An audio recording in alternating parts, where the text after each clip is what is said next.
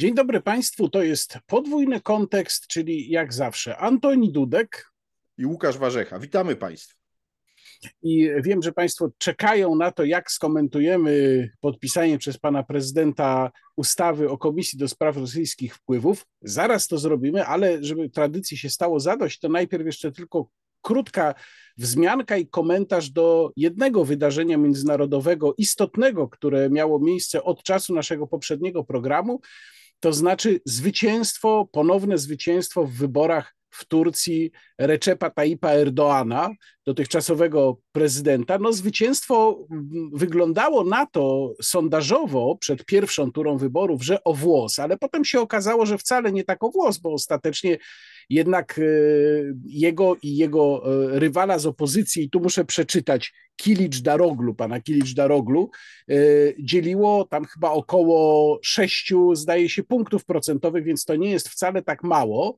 Natomiast no, co to oznacza? Myślę, że to oznacza, że Turcja zostaje, to jest oczywistość, na dotychczasowym kursie, ale to ma znaczenie, o tyle, że e, po pierwsze jest to kurs nie do końca zgodny z kursem Sojuszu Północnoatlantyckiego, taki powiedziałbym odrębnie turecki.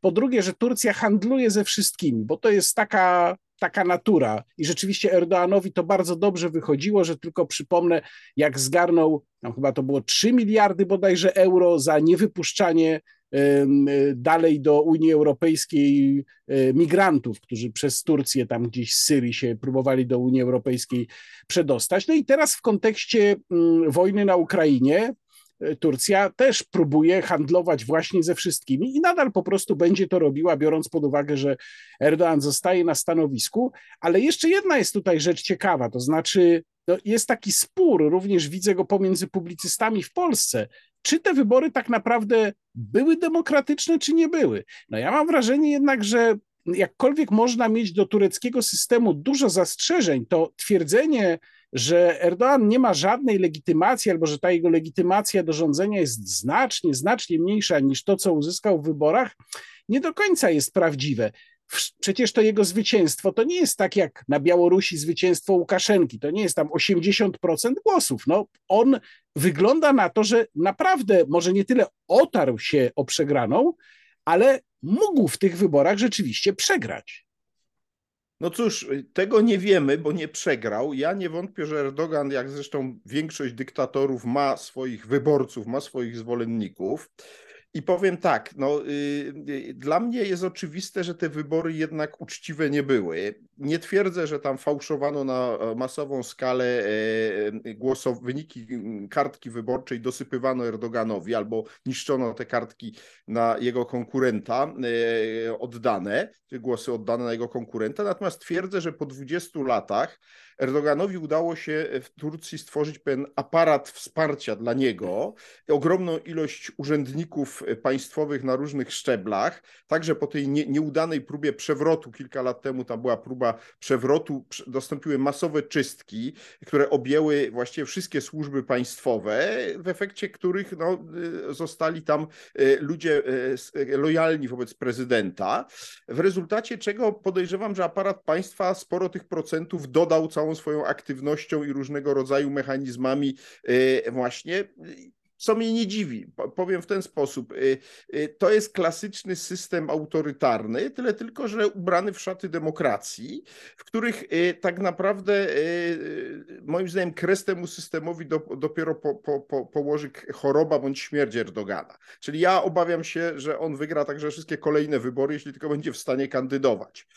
Dla mnie Turcja nie jest państwem de demokratycznym, choć odbywają się w niej wybory alternatywne. Natomiast mamy do czynienia jednak z sytuacją, w której e, no, e, Turcja jest krajem, w którym e, to nie jest pierwszy tego rodzaju kraj, w którym istnieją pozory demokracji, natomiast w rzeczywistości szanse na to, że przegra ktoś, kto jest przy władzy od, przypomnijmy, 20 lat, są znikome. I oczywiście można powiedzieć, że nie było w Turcji takich fałszerstw ordynarnych jak w przypadku Łukaszenki na Białorusi, ale to musielibyśmy bliżej zbadać, być może nie było takiej potrzeby robienia tego typu fałszerstw.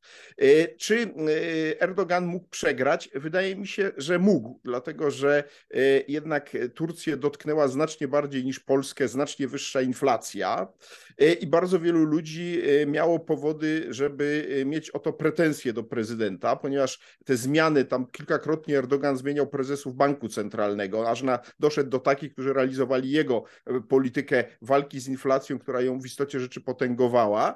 E, to pokazuje, że, że jednak on mógłby przegrać, gdyby te wybory były uczciwe, no ale uczciwe nie były i, i, i to jest twardy fakt. No. Mamy w e, Pakcie Północnoatlantyckim drugiego co do wielkości członka, bo Turcja ma drugą armię po Stanach Zjednoczonych w NATO, który nie jest krajem w pełni demokratycznym. Bo jak mówię, no, autorytaryzm jest stopniowalny i to oczywiście nie jest to, co mamy w Turcji, dyktaturą, myślę, nawet tak surową, jak ta, którą mamy do czynienia w Rosji czy na Białorusi. Nie mówię już nie wiem, o Korei Północnej. Natomiast nie jest to też na pewno kraj demokratyczny dla mnie.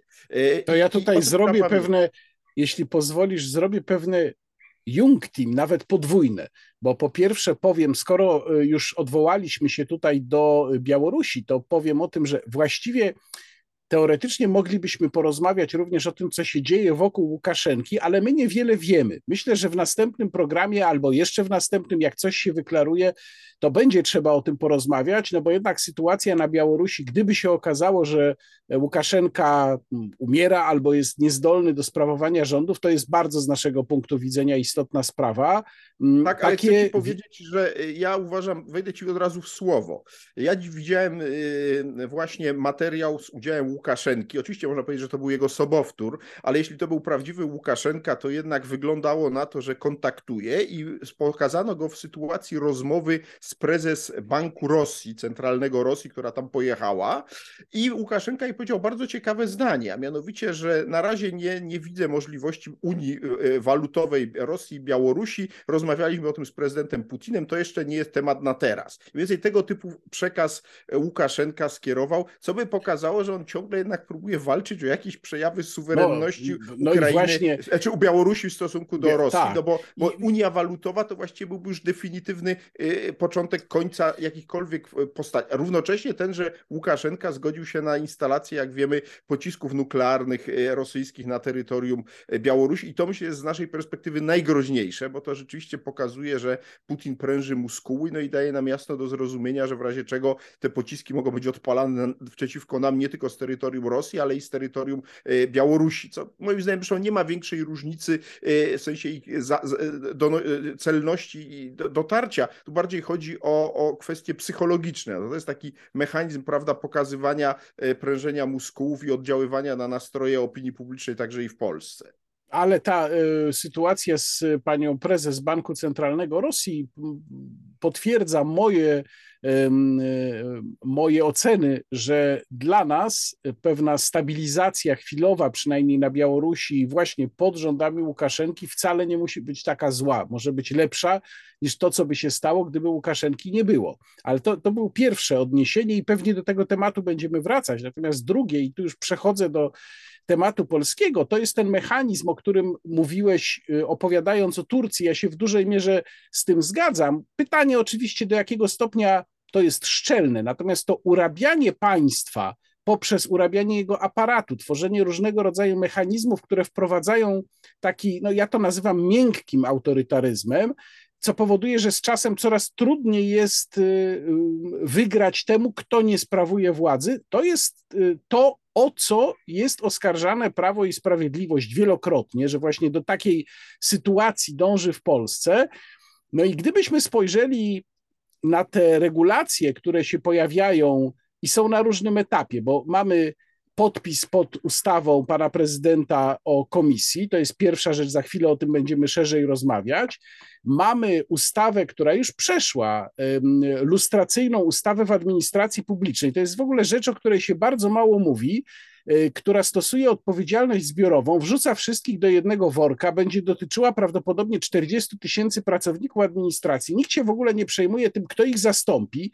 No, y, rzecz, która gdzieś tam się dzieje niby w tle, a naprawdę może mieć gigantyczne konsekwencje, również jeżeli chodzi o odszkodowania od państwa polskiego, bo jestem pewien, że wielu z tych urzędników pójdzie do Strasburga po prostu ze swoimi skargami.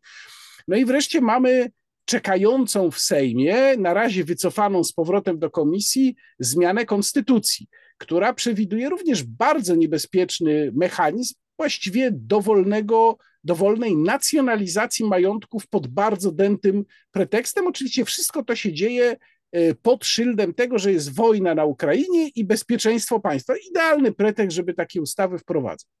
I teraz skupmy się na tym głównym problemie, który się wydarzył w dniu, gdy nagrywamy nasz program, bo nagrywamy w poniedziałek, czyli mamy za sobą na świeżo, mamy wystąpienie pana prezydenta i informacje o podpisaniu tej ustawy. No i pierwsze pytanie, które tutaj powinniśmy sobie chyba zadać, brzmi, czy byliśmy tym zaskoczeni? Ja się sam tak zastanawiałem, czy ja byłem zaskoczony, nie miałem takiego jakby jasnego odczucia, bo z jednej strony myślałem, że to jest już tak ordynarnie skonstruowana ustawa, że jednak Andrzej Duda jako prawnik, ale też myśląc być może trochę o swojej przyszłości, no, będzie miał opory przed albo podpisaniem jej, albo podpisaniem i odesłaniem do kontroli następczej, bo tak naprawdę ta kontrola następcza wiele nie zmienia. To, co mogłoby zmienić sytuację, no to oczywiście weto, to jest jasne, albo kontrola uprzednia, czyli sytuacja, w której się nie podpisuje ustawy, tylko wysyła ją do Trybunału Konstytucyjnego. Tam by jeszcze była kwestia wtedy zgromadzenia pełnego składu e, żeby się tą ustawą zajęła, a wiemy, jak jest w Trybunale Konstytucyjnym, to sam o tym wielokrotnie mówiłeś. E, więc myślałem z jednej strony tak, ale z drugiej strony gdzieś miałem taką mocną wątpliwość wewnątrz, czy Andrzeja Dudę rzeczywiście na to stać. Potem posłuchałem y, jego wystąpienia i to wystąpienie było niesamowicie miałkie, oparte na y, no prawdę mówiąc, fałszywym przedstawianiu tej sprawy i to jest naj, najłagodniejsze określenie, jakie mogę tutaj znaleźć. No bo jak prezydent mówi, że jawność jest taka ważna, obywatele mają prawo wiedzieć, a wiemy, bo wystarczy spojrzeć do tej ustawy, że komisja ma prawo y, zamknąć drzwi i obradować y, bez świadków i, i, bez mediów. I pewnie tak będzie, bo jeżeli uznają członkowie komisji, że tam są sprawy bezpieczeństwa państwa omawiane, to jasne, że wyłączą jawność, więc żadnej jawności nie będzie. Będzie wynik tego postępowania tylko widoczny, a nie sposób, w jaki do tego wyniku komisja doszła. No i jeżeli również pan prezydent mówi, że mamy tam, czy, czy ob, ludzie, którzy staną przed komisją, mają do dyspozycji y, możliwość odwołania się do sądu, to też nie mówi tak naprawdę y, o faktach, bo owszem, będzie można się odwołać, ale do sądu administracyjnego, bo komisja wydaje decyzje administracyjne. A to oznacza, że ten sąd się nie zajmie faktycznymi okolicznościami, on tylko sprawdzi, czy komisja działała zgodnie z prawem. No, jeżeli działała zgodnie z prawem, czyli zgodnie z ustawą o komisji, no to decyzja zostanie zatwierdzona, a przecież te tak zwane środki zaradcze, które decyzja może, które komisja może zastosować y, wobec osób decyzyjnych, no one są bardzo, one eliminują z życia publicznego, bo to jest y, brak dostępu do y, certyfikatu, do dostępu do informacji niejawnych, to jest y, zakaz zajmowania stanowisk związanych z dysponowaniem środkami publicznymi, no tam jeszcze zakaz posiadania broni, to jest taki, nie wiem, dziwna sankcja, ale również mamy w ustawie wyraźny zapis, że zastosowanie tych środków zaradczych oznacza, że dana osoba nie daje rękojmi należytego zajmowania się sprawami publicznymi, a to jest taka formułka, która wyklucza właśnie z bardzo wielu stanowisk publicznych, czyli tak naprawdę to jest wyeliminowanie takiej osoby na 10 lat życia publicznego. Dodajmy do 10 lat, bo to y, do 10 może być lat, tak. krócej tak. niż 10 lat, no ale to niczego nie zmienia. Oczywiście ja powiem tak, ja wysłuchałem wystąpienia prezydenta Dudy z dużym smutkiem, bo ja starałem się zawsze wykrzesać wobec niego jako do prezydenta Rzeczpospolitej odrobinę sympatii i muszę powiedzieć, że chyba ta sympatia definitywnie wygasła właśnie jak go wysłuchałem tego jego przemówienia uzasadniającego, bo to był po prostu, y, powiedziałbym, no, przejaw jakiejś takiej niebywałej hipokryzji z jego strony. Na przykład jego odwołanie odwołanie się do afery Rywina i komisji sejmowej e, badającej aferę Rywina, że ta komisja ma podobnie jak tamta wyświetlić rzeczywistość. No ale pan prezydent Duda chyba doskonale sobie zdaje sprawę, bo nie był wtedy dzieckiem, że w tej komisji byli na przykład reprezentowani przedstawiciele wszystkich opcji parlamentarnych i mało tego, na działalność tej komisji zgodził się ówczesny rząd e, Millera, co zresztą później Miller uważał za swój życiowy błąd, ale to jest odrębna sprawa. Faktem jest, że ta komisja, choć z przewagą ówczesnej koalicji SLD-PSL, PSL, bo ona jeszcze wtedy istniała, e, to jednak e, miała reprezentantów z wszystkich opcji parlamentarnych co znaczy, że została powołana w oparciu o pewien konsensus szeroki. Ta komisja najwyraźniej takiego konsensusu mieć nie będzie, bo wszystkie, wedle mojej wiedzy, kluby parlamentarne poza PiSem jasno, łącznie od, czyli od lewicy po konfederację, stwierdziły, że nie zgłoszą swoich kandydatów do tej komisji, co w praktyce oznacza, że będzie to czysto pisowska komisja. Więc to, to jest pierwsza rzecz. Po drugie, prezydent Duda permanentnie e, odwoływał się do takiego, powiedziałbym, zagrożenia rosyjskiego. Te wpływy rosyjskie jawiły się tam apokaliptycznie. Żąda, żeby w Unii Europejskiej powołać taką komisję. Wpływy rosyjskie są wszędzie. Ja oczywiście nie twierdzę, że nie ma wpływów rosyjskich. Polsce i w Unii Europejskiej i w Stanach Zjednoczonych, bo o Stanach Zjednoczonych też prezydent Duda mówił. No ale ja się pytam, co robiły w tej sprawie przez lata tak rozbudowywane służby specjalne? Gdzie jest choćby jeden czy drugi ten agent rosyjski złapany e, przez te służby? No bo skoro te wpływy są tak ogromne, to ja rozumiem, że te, te służby nie mogły ich wszystkich złapać i po to jest komisja, ale co one właściwie, kogo one schwytały? Gdzie są ci wszyscy agenci wpływu i, i, i nielegałowie e, rosyjskich służb, których dotąd złapano. No nie ma czegoś takiego. I, i teraz, to znaczy, i, i, i co? I też służby, mając cały rozbudowany aparat możliwości, przez te wszystkie lata właściwie nikogo realnie nie złapały, a ta komisja w ciągu paru tygodni ma to wszystko wyjaśnić, zdemaskować, bo 17 września ma ogłosić pierwszy raport. No jest oczywiste, że tak nie będzie, więc jest jasne i to zresztą niektórzy posłowie na czele z moim ulubionym posłem Kowalskim już otwarcie powiedzieli, że ta komisja to ma właściwie służyć temu, żeby Tuska ukarać, tylko nie wiem, dlaczego poseł Kowalski, chociaż prawnik e, bredzi, bo to jest bredze, bredzenie, że ta komisja ma jakiś związek z Trybunałem Stanu. Nie, nie ma żadnego związku, panie pośle Kowalski, pan doskonale o tym wie. Można stawiać Tuska już od dawna przed Trybunałem Stanu. Trzeba tylko zebrać odpowiednią większość w tym Sejmie i Tusk już mógł mieć od lat proces przed Trybunałem Stanu. Ja się pytam, dlaczego e, nie ma procesu Tuska przed Trybunałem Stanu. Ja się pytam, dlaczego nie było e, wcześniej prób wytoczenia Tuskowi procesu o tak zwaną zdradę dyplomatyczną, o czym gadał pan prezes Kaczyński i inni. I cóż stało na przeszkodzie? Otóż moim zdaniem na przeszkodzie stała miałkość materiału dowodowego. I teraz z tego miałkiego materiału dowodowego tych dziewięciu członków komisji będzie próbowało ulepić akt oskarżenia przeciwko Tuskowi i zapewne innym politykom, po czym rzucić to opinii publicznej 17 września, na więcej miesiąc przed wyborami, ten wyrok, który tak naprawdę ma służyć jednemu, ma być rodzajem polisy ubezpieczenia, znaczy po pierwsze ma e, zbudować całą emocję, bo tu będziemy mieli kolejne etapy, czy ten Tusk będzie wzywany, czy on się stawi przed komisją, czy go będą doprowadzać, bo policja go będzie doprowadzała, bo takie są też możliwości tej komisji. E, później oczywiście, jeszcze wcześniej będzie cała afera wokół składu tej komisji, będziemy mieli kolejne etapy przedstawienia, ale wielkim finałem będzie ogłoszenie raportu.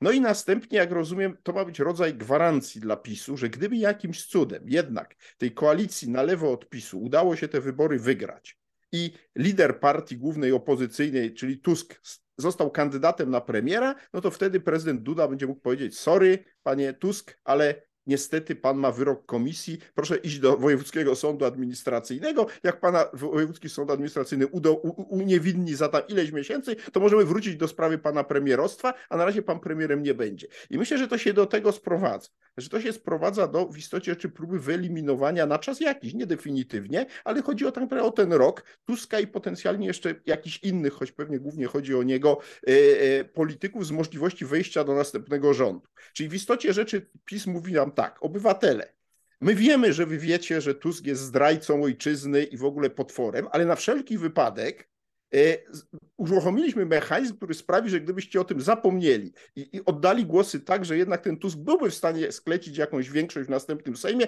to my już tego i tak nie weźmiemy pod uwagę, bo mamy naszą komisję i ta komisja pana Tuska na trwałe, przynajmniej na trwałe, na, na, na ileś miesięcy e, pozbawi możliwości zostania premierem czy, czy, czy ministrem. No i podobnie iluś innych. I można powiedzieć, że to w końcu cóż to jest? No, można powiedzieć, że to jest nic, e, tylko problem polega na tym, że to jest otwarcie pewnej furtki, bo jeżeli będzie można Tuska tak wyeliminować, to można eliminować kolejne osoby, w tym na przykład dziennikarzy, prawda? I tu się kłania e, jeden z najbystrzejszych ludzi, to nie błaham się po dzisiejszej wypowiedzi e, tego powiedzieć, e, w ekipie pisowskiej, a mianowicie wiceminister Wojciech Skurkiewicz, który zapytanie, czy dziennikarzy, czy jeszcze poza politykami przed tą komisją powinien ktoś stanąć, powiedział tak, dziennikarze, którzy, tu dosłowny cytat, dziennikarze, którzy zdradzali naleciałości pro prorosyjskie.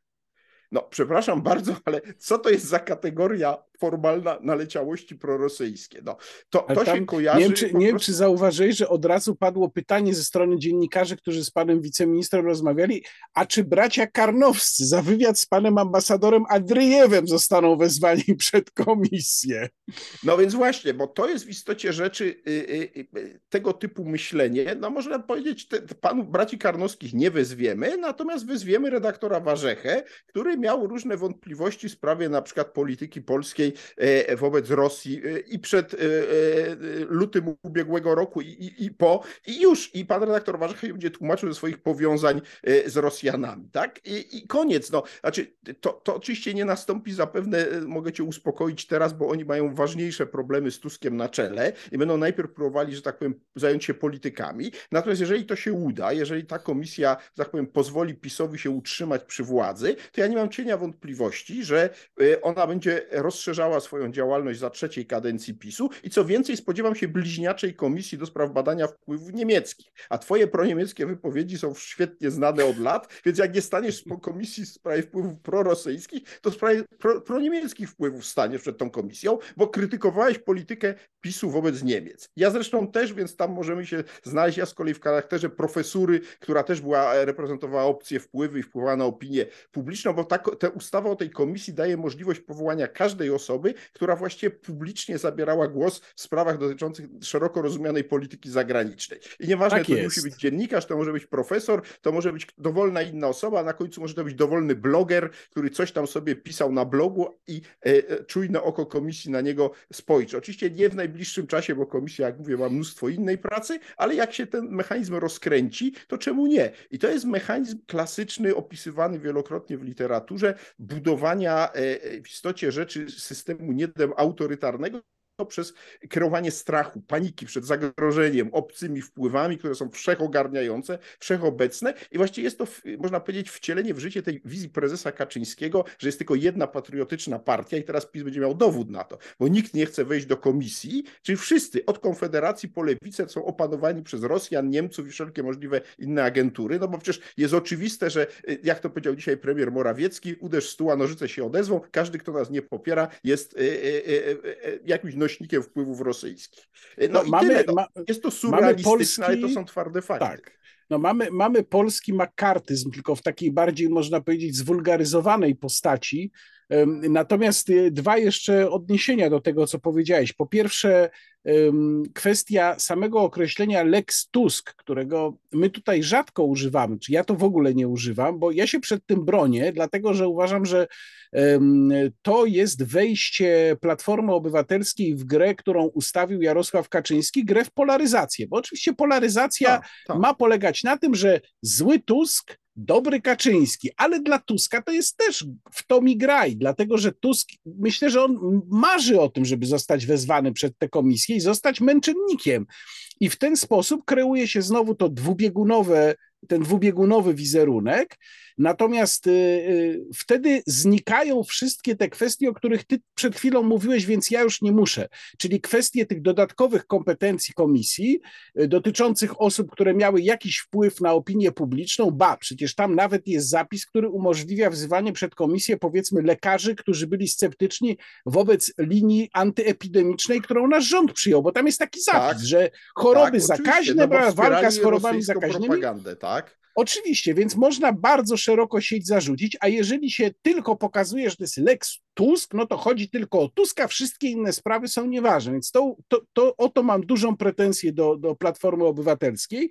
I druga sprawa, o której też częściowo wspomniałeś, ale myślę, że tu warto jeszcze to podkreślić, trochę rozszerzyć. Powiedziałeś, że przez 7 lat rządów Prawo i Sprawiedliwość nie było w stanie, uruchomiwszy służby, które już całkowicie były pod jego kontrolą, niczego pokazać, znaleźć dowodów, postawić kogokolwiek przed sądem.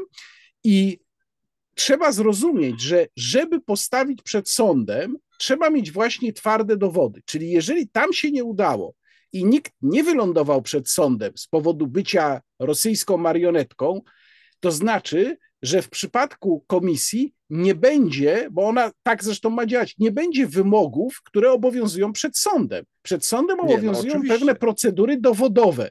Y, jest obrona, trzeba wykazać niezbicie, że coś się stało, jest indubio pro reo, natomiast komisja działa sobie tak naprawdę prawem kaduka. Jak się czyta tę mm, ustawę, to tam nie ma żadnych odwołań do na przykład praktyki dowodowej czy procedury karnej. Po prostu są pewne stwierdzenia. Jeżeli komisja uzna, że coś jest tak, a nie inaczej, to ona sobie to może zrobić.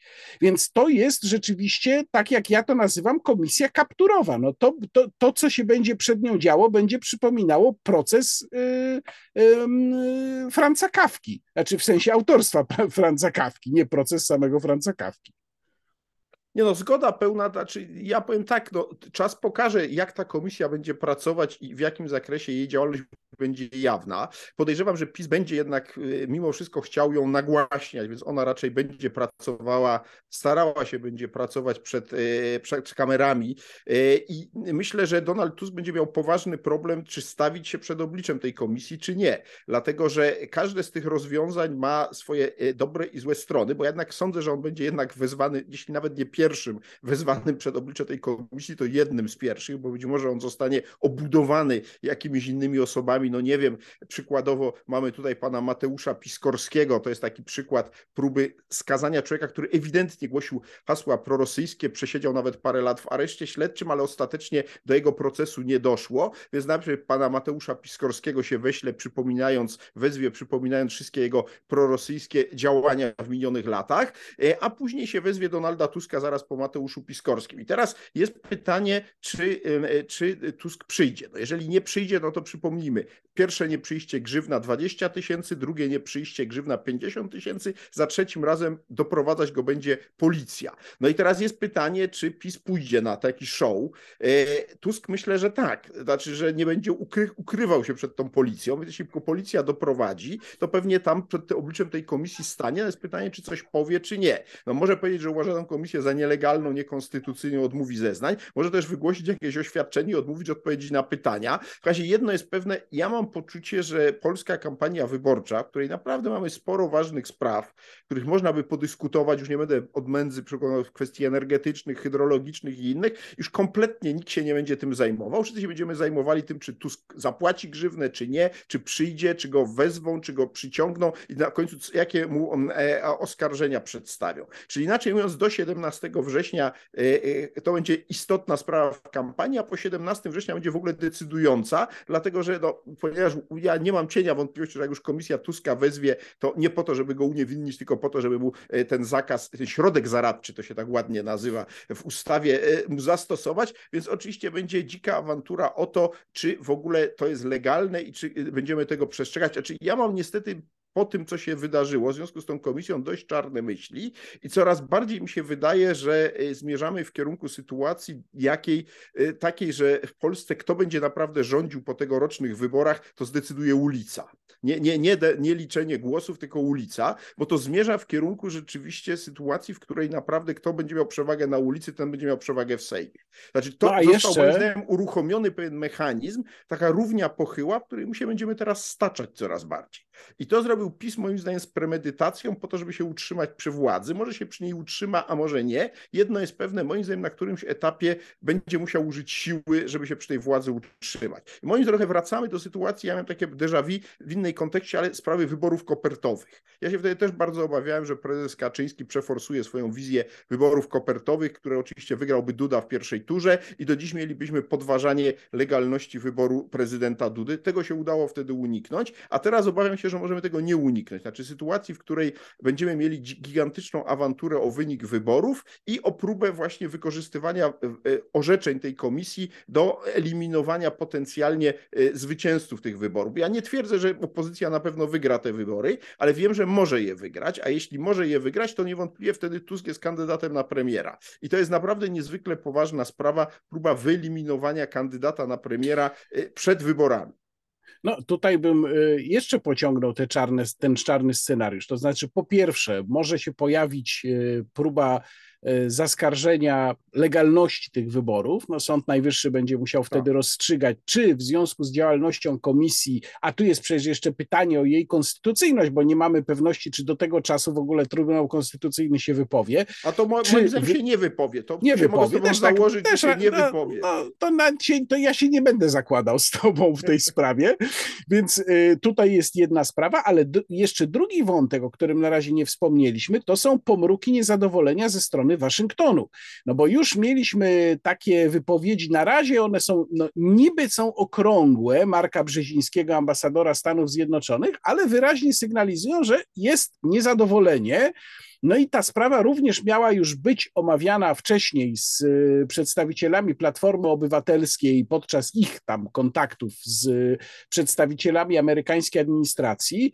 I tutaj zastanawiam się, dlaczego rząd y, i prezydent nie wzięli pod uwagę tych sygnałów, które musiały płynąć i skądinąd wiemy, że płynęły również wcześniej, że to jednak jest o krok za daleko. Ja jestem przeciwnikiem generalnie wtrącania się Amerykanów w polskie sprawy. No w tym wypadku akurat y, Amerykanie przypadkowo wykonaliby dobrą robotę, gdyby im się udało storpedować tę sprawę.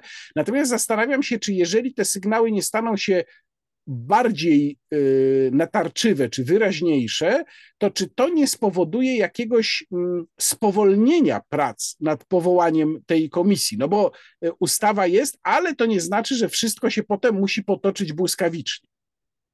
Tak, to prawda. To będzie bardzo ciekawe, bo ja się spodziewam, że na tej wypowiedzi ambasadora Brzezińskiego się nie skończy, że za chwilę przyjdzie jakiś taki dość czytelny, choć nie otwarcie oczywiście mówiący o co chodzi, ale pośrednio jednak jasny sygnał ze strony Departamentu Stanu w tej sprawie. No i zobaczymy, czy PiS się tego przestraszy. Myślę, że jednak nie. Myślę, że naprawdę prezes Kaczyński, a to jego determinacja pokazuje, że ta komisja e, jednak e, e, została powołana. Głęboko wierzy, że to jest sposób na wygranie wyborów. Znaczy on wierzy, że działalność tej komisji komisji, jak to ładnie mówią pisowcy, sprawi, że prawda w końcu dotrze do e, e, mas, prawda, bo cały czas o tym słyszę, pre, pre, premier Morawiecki o tym mówił, że ta, ta, prawda, prezydent Duda dzisiaj o tym mówił, tej prawdy Polacy potrzebują. Wprawdzie moim zdaniem w przypadku akurat Tuska już wielokrotnie emitowany film Nasz Człowiek w Warszawie, który jest takim aktem oskarżenia, właściwie jest gotowym uzasadnieniem, wystarczy go spisać tylko co tam jest i już komisja ma gotowy wyrok. Zresztą nie było przypadkiem, że niektórzy politycy PiSu z premierem Morawieckim właściwie mówią cytatami z tego filmu. Oni go już widać kilkakrotnie obejrzeli, więc to wszystko jest jasne. Więc zdziwiłbym się, gdyby się PiS tym razem e, tych sugestii płynących z, e, ze Stanów przestraszył. Natomiast widzę inny problem tej komisji, e, który się się może objawić. Mianowicie e, w tej komisji nie będzie prawdopodobnie chyba, że tu nastąpi jakaś sensacyjna zmiana, nikogo e, z e, kandydatów zgłoszonych przez ugrupowania opozycyjne, natomiast z całą pewnością w tej komisji muszą być ziobryści, bo bez ziobrystów nie da się powołać składu tej komisji, tak? No, bo, bo dopiero z ziob... i będzie tam też Kukiz albo ludzie od Kukiza. I teraz do czego zmierzam? Jeżeli ta, i to będzie musiało być, jak rozumiem, jeśli ta komisja ma realnie zacząć działać, to będzie procedowane już na posiedzeniu Sejmu w czerwcu i to najbliższym, czyli za dwa tygodnie. I teraz wyobraźmy sobie, że w tej komisji obok pisowców są ziobryści, kukizowcy, no a później się jednak nie udaje osiągnąć porozumienia w sprawie wspólnej listy wyborczej, co będzie w lipcu moim zdaniem jeszcze wałkowane, to wtedy nagle wewnątrz tej komisji do, do, może dojść do tego, co już w tej chwili sparaliżowało Trybunał Konstytucyjny, bo przecież tam niewątpliwie częścią tego konfliktu w Trybunale jest walka e, Ziobry z e, Kaczyńskim o właśnie miejsca na listach. I teraz, gdyby doszło do rozwodu, to ten rozwód się przeniesie też na forum tej komisji, paraliżując jej działalność. I ja w ogóle, oczywiście teraz popuszczę wodze fantazji, ale ja w ogóle nie wykluczam, że zważywszy na to, że podejrzewam, że do tej komisji zostaną skierowane osoby o bardzo specyficznych cechach osobowościowych, tak to oględnie ujmę, że jeśli by doszło do takiego e, sporu właśnie między niedogadania się Ziobry z Kaczyńskim, to nagle się okaże, że wewnątrz komisji zaczną się oskarżenia między członkami, że są tu też osoby, które reprezentują wpływy rosyjskie i, i zacznie się oskarżanie ABW, że nie dość dokładnie prześwietliła tych członków komisji, bo przypomnijmy, że w ustawie jest cała mowa o procedurze prześwietlania tych kandydatów do komisji przez ABW, no to akurat jest logiczne, że to muszą być osoby mające ten certyfikat dostępu do tajemnicy państwowej, ale to jak sądzę niektórym nie przeszkodzi później, gdyby taka sytuacja się pojawiła, oskarżać, że jednak ten czy inny członek komisji to na przykład jednak się dziwnie zachowywał, może coś tam powiedział, a może właśnie coś przekazał gdzieś, bo pamiętajmy też, że przecież e, e, e, pracami tej komisji będą się interesować media różne, więc niektórzy członkowie komisji będą mieli pokusy ujawnienia czegoś wcześniej, więc to też może być wykorzystywane przeciwko nim później do różnych rozgrywek. Więc ja nie wykluczam, że i mówiąc szczerze, życzyłbym tego, tej komisji, żeby ona skończyła tak jak Trybunał Konstytucyjny naprawiony przez PiS, który po prostu sięgnął bruku, dlatego że to, co się dzieje w Trybunale Konstytucyjnym, kolejne miesiące, bo tygodnie i miesiące mijają, jest po prostu czymś najbardziej żenującym, co ja widziałem w dziejach politycznych trzeciej RP. Czegoś równie skandalicznego i haniebnego, jak zgnojenie, zniszczenie Trybunału Konstytucyjnego przez 15 ludzi wybranych przez pana Ziobrę i przez Kaczyńskiego nie było dotąd w dziejach trzeciej RP i tu PiS pobił absolutnie wszelkie rekordy. I nie wykluczam, że z tą komisją może być podobnie, dlatego że atmosfera będzie coraz bardziej nerwowa. Widać, że 800 plus nie dało spodziewanego efektu yy, sondażowego, jeśli chodzi o wzrost notowań PiS. Jeśli ta komisja też nie da i PiS będzie cały czas balansował na tych 30 kilku procentach, to jest oczywiste, że nie będzie miał samodzielnej większości.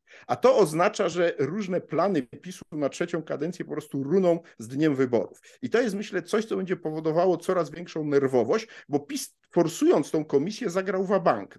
Znaczy, to jest zagranie bardzo jasno pokazujące, że mamy właściwie trzecią kadencję w kieszeni i nie boimy się niczego. Bo ja powiem jeszcze na A, koniec właśnie. jedną rzecz. Bo widzisz, bo na razie wszyscy w e, opozycji się odżegnują, wyklinają tą komisję od czci i wiary, ale wyobraźmy sobie, popuśćmy jeszcze dalej wodze fantazji, że po wygranych przez opozycję wyborach występuje Tusk albo ktoś inny i mówi, no ale w sumie ta komisja to nie jest taka o, zła, to, my to, musimy dokładnie. naprawić. Czyli tak. zmienić jej skład i pana Macierewicza i innych po, po, po stronie pisowskiej podejrzewanych o, o, o związki e, z Rosjanami będziemy przed tą komisję ciągać. I, i bo, bo dla mnie to były chichot historii, ale PiS stworzył bardzo wiele mechanizmów i ta komisja jest kolejnym tego rodzaju mechanizmem do gnębienia opozycji, który może być przeciwko PiSowi wykorzystany, jeśli tylko PiS straci tą, tą większość w Sejmie. Więc, więc nie chciałbym być złym prorokiem dla PiSu, ale nie wykluczam, że i tak się może zdarzyć.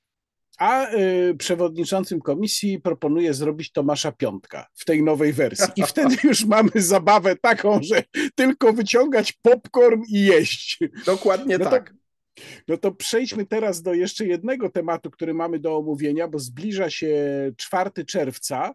E, to już za kilka dni. No i wielki marsz e, z takim przesłaniem, które już zaczęło się pojawiać właściwie w kręgach Platformy Obywatelskiej to już jest zupełnie oficjalne stanowisko, że kto nie idzie 4 czerwca, ten popiera PiS. Czyli y, mamy no, takie odbicie lustrzane y, stanowiska PiSu, czyli kto nie z PiSem, to ruska onuca, a tutaj kto nie idzie 4 czerwca, ten z PiSem, czyli w zasadzie też ruska onuca, bo... Tak, dokładnie, w, bo obie strony się uważają za głównych eksponentów tak. wpływów rosyjskich, co dowodzi kompletnej paranoi domu wariatów, bo w istocie rzeczy, gdyby to miało choć trochę sensu, to już od dawna byliśmy od tego Putina całkowicie zależni, no bo nieprzerwanie rządzą kolejni agenci wpływu Rosji w Polsce.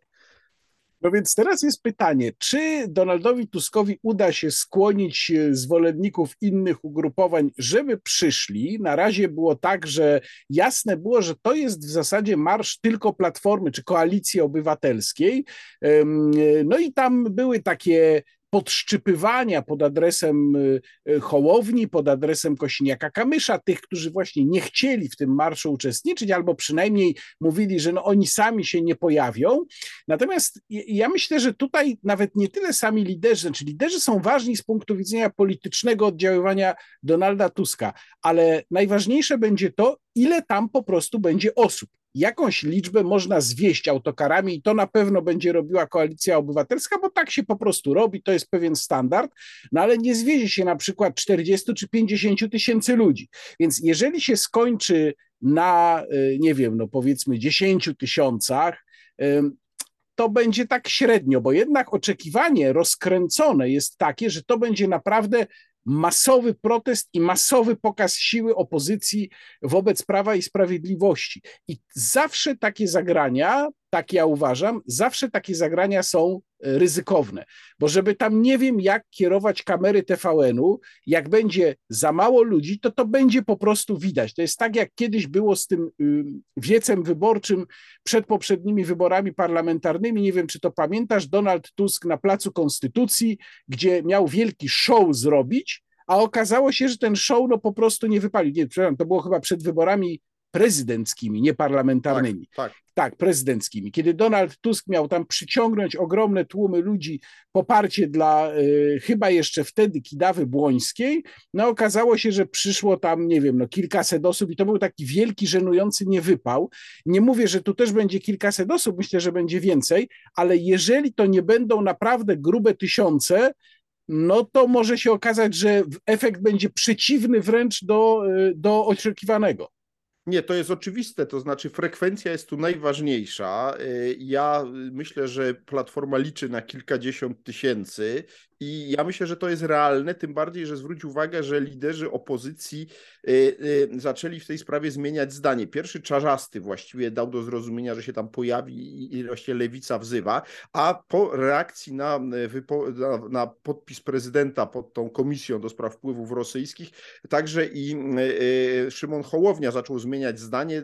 Słyszałem jego wypowiedź w poniedziałek, taką o to, że no on jeszcze nie może, bo on musi być w Lesznie, ale już apeluje, żeby jego ludzie brali udział w tej imprezie w Warszawie, bo to już nie jest impreza tylko Platformy. Tutaj sytuacja jest bardzo poważna. Znaczy on rzeczywiście się bardzo przejął tą komisją do spraw wpływów rosyjskich. Ja się zresztą nie dziwię, bo w którejś kolejności jego ona może wezwać, bo choć nie pełnił żadnych funkcji publicznych, to na temat polityki zagranicznej się wypowiadał nieraz i to nie w duchu właściwym czyli że e, popiera politykę zagraniczną PiSu, więc właściwie też kwalifikuje się e, przed oblicze komisji. Więc mówiąc krótko, ja myślę, że tu będzie kilkadziesiąt tysięcy ludzi, ale też jest różnica między 20-30 e, tysiącami, a powiedzmy 70 czy 80 tysiącami. To jest bardzo istotna różnica, więc nie wiem, jaka będzie ta frekwencja. Wiem natomiast oczywiście, że będą radykalnie odmienne oceny i spodziewam się tu nie różnicy dwukrotnej, tylko powiedzmy kilkukrotnej między ocenami policji, za którymi skwapliwie będzie tą ocenę podawać e, media rządowe, która będzie oczywiście zdecydowanie poniżej, no i tymi, które podadzą organizatorzy. Więc ja proponuję mniej więcej wyciągnąć średnią z tych dwóch ocen i to więcej da nam przybliżony, prawdopodobny e, udział, choć oczywiście ja tu żartuję, bo, bo spodziewam się naprawdę e, bardzo dużego rozrzutu, no ale każdy może obejrzeć to i odspróbować samemu ocenić. Są takie różne metody oceny, prawda, liczby osób na, na, na, na, na, na powierzchni, ile się tam mieści. W każdym razie ja powiem tak, e, obie strony żyjemy już w tak równoległych e, rzeczywistościach, że ja jestem przekonany, że po 4 czerwca opozycja będzie mówiła, że to była demonstracja, była wielkim sukcesem, a z kolei obóz władzy, że to była ogromna porażka. I, i, I, zdziwiłbym się, gdyby było inaczej. Po prostu w tej chwili mamy do czynienia z sytuacją, w której w tego typu sprawach nie ma najmniejszych szans na zbliżoną choćby ocenę.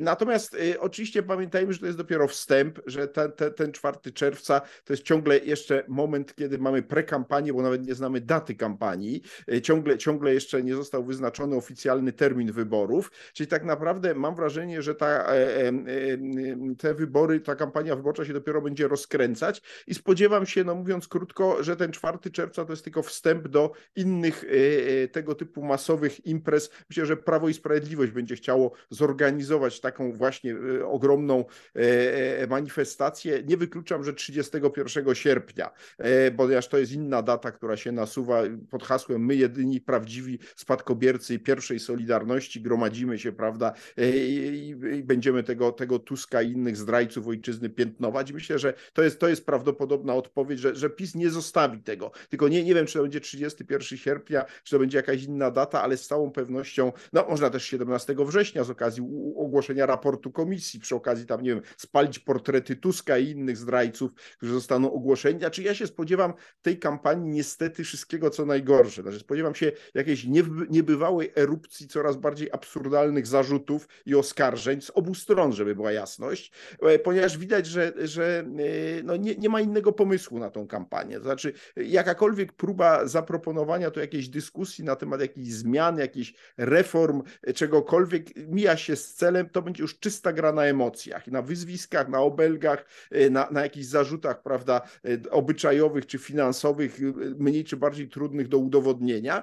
Dlaczego? No dlatego, że widać wyraźnie, że to, to niestety działa to niestety działa, tu trzeba powiedzieć jasno, większość wyborców nie chce słuchać żadnych y, dyskusji na jakiekolwiek merytoryczne tematy, bo po pierwsze nie wierzy, że ci politycy cokolwiek są w stanie zmienić, a po drugie to jest nudne, trudne y, i po co się tym e, emocjonować, lepiej się zajmować tym, czy ten Tusk to właściwie, e, tak jak dzisiaj premier, e, premier Morawiecki powiedział, że liczy, że komisja wyjaśni, o czym naprawdę Putin rozmawiał na molo z Tuskiem, na molo w Sopocie. No, no to jest jak wypisz, wymaluj w kadr z filmu Smoleńsk, gdzie prawda, tam aktor grany, grający Lecha Kaczyńskiego ogląda tą scenę i się zastanawia, o czym oni tam rozmawiają, a Antoni Macierewicz, no przecież już odpowiedział, on to wyjaśnił. Oni tam rozmawiali o szczegółach zamachu na Lecha Kaczyńskiego. No. E, więc i chodzi o to tylko, żeby Tusk to potwierdził, prawda, przed tą komisją. I więcej w takich oparach surrealizmu, jakiegoś zupełnego zidiocenia będzie się odbywała ta kampania wyborcza.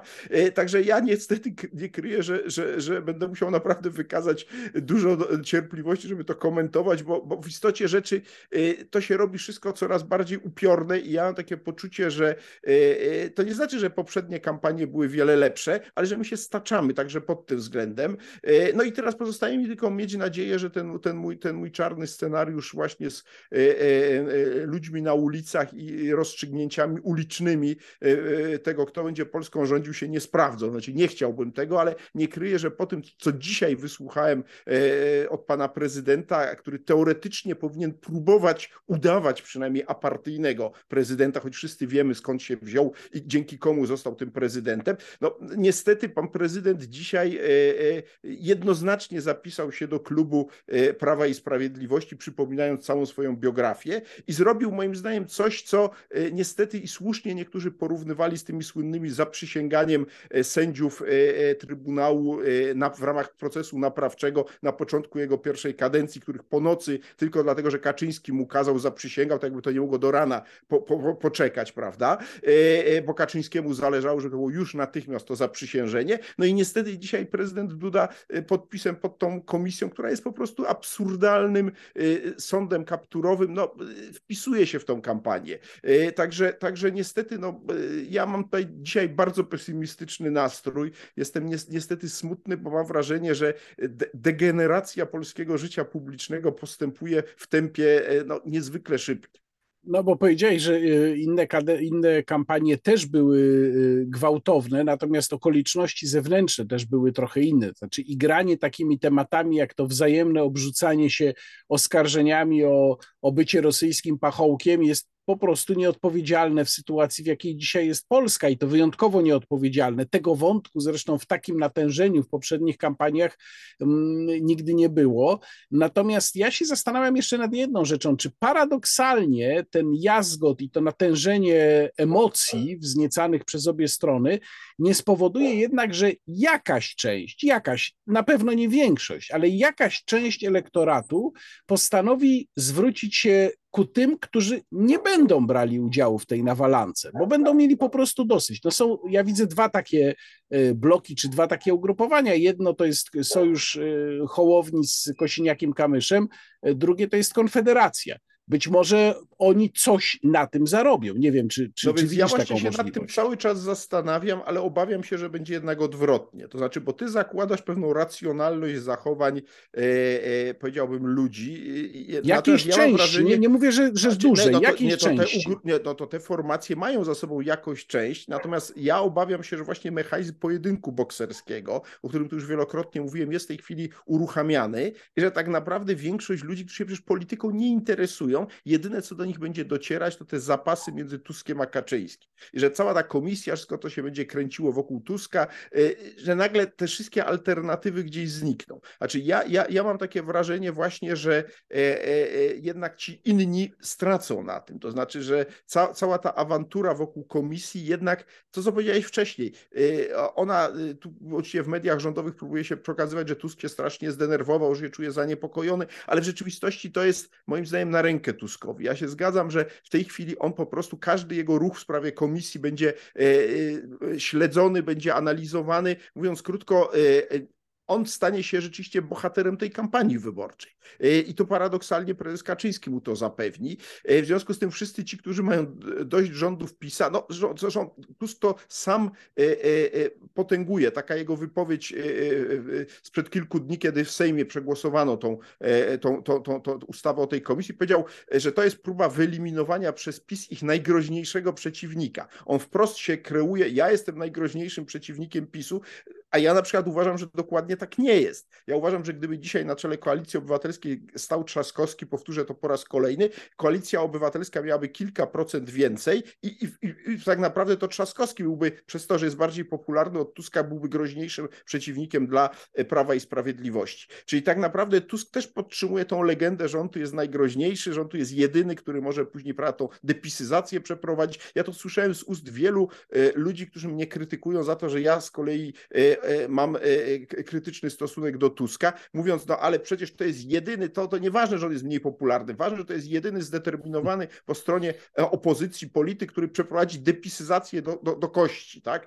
Nie odpuści niczego. I oni jakby kompletnie nie rozumieją, że, że Polska nie potrzebuje takiej depisyzacji do kości. Polska potrzebuje stabilizacji, bo mamy rzeczywiście trudną sytuację międzynarodową i potrzebuje też pewnej konsekwencji, jeśli chodzi o realizację różnych projektów projektów infrastrukturalnych, energetycznych i innych, a nie potrzebuje kolejnej eskalacji e, sporu politycznego. E, e, tymczasem no, Tusk jest gwarantem właśnie, że ten spór polityczny będzie na najwyższym poziomie, ponieważ mam wrażenie, że on z prezesem Kaczyńskim no, przypominają jakichś takich dwóch starszych panów, którzy prowadzą ze sobą wojnę na śmierć i życie, której już jeńców nie będą brali, w której po prostu zwycięzca może być tylko jeden, a tego drugiego trzeba zakopać w gnieźdź ziemię. No tak nie funkcjonuje demokracja. Tak wygląda walka o władzę w państwach niedemokratycznych, gdzie jednego dyktatora zastępuje drugi, a, a tego, tego, który upadł się zabija albo w najlepszym razie sadza do więzienia. No i my zmierzamy w tym kierunku. E, I to, I to jest moim zdaniem niestety bardzo groźna perspektywa dla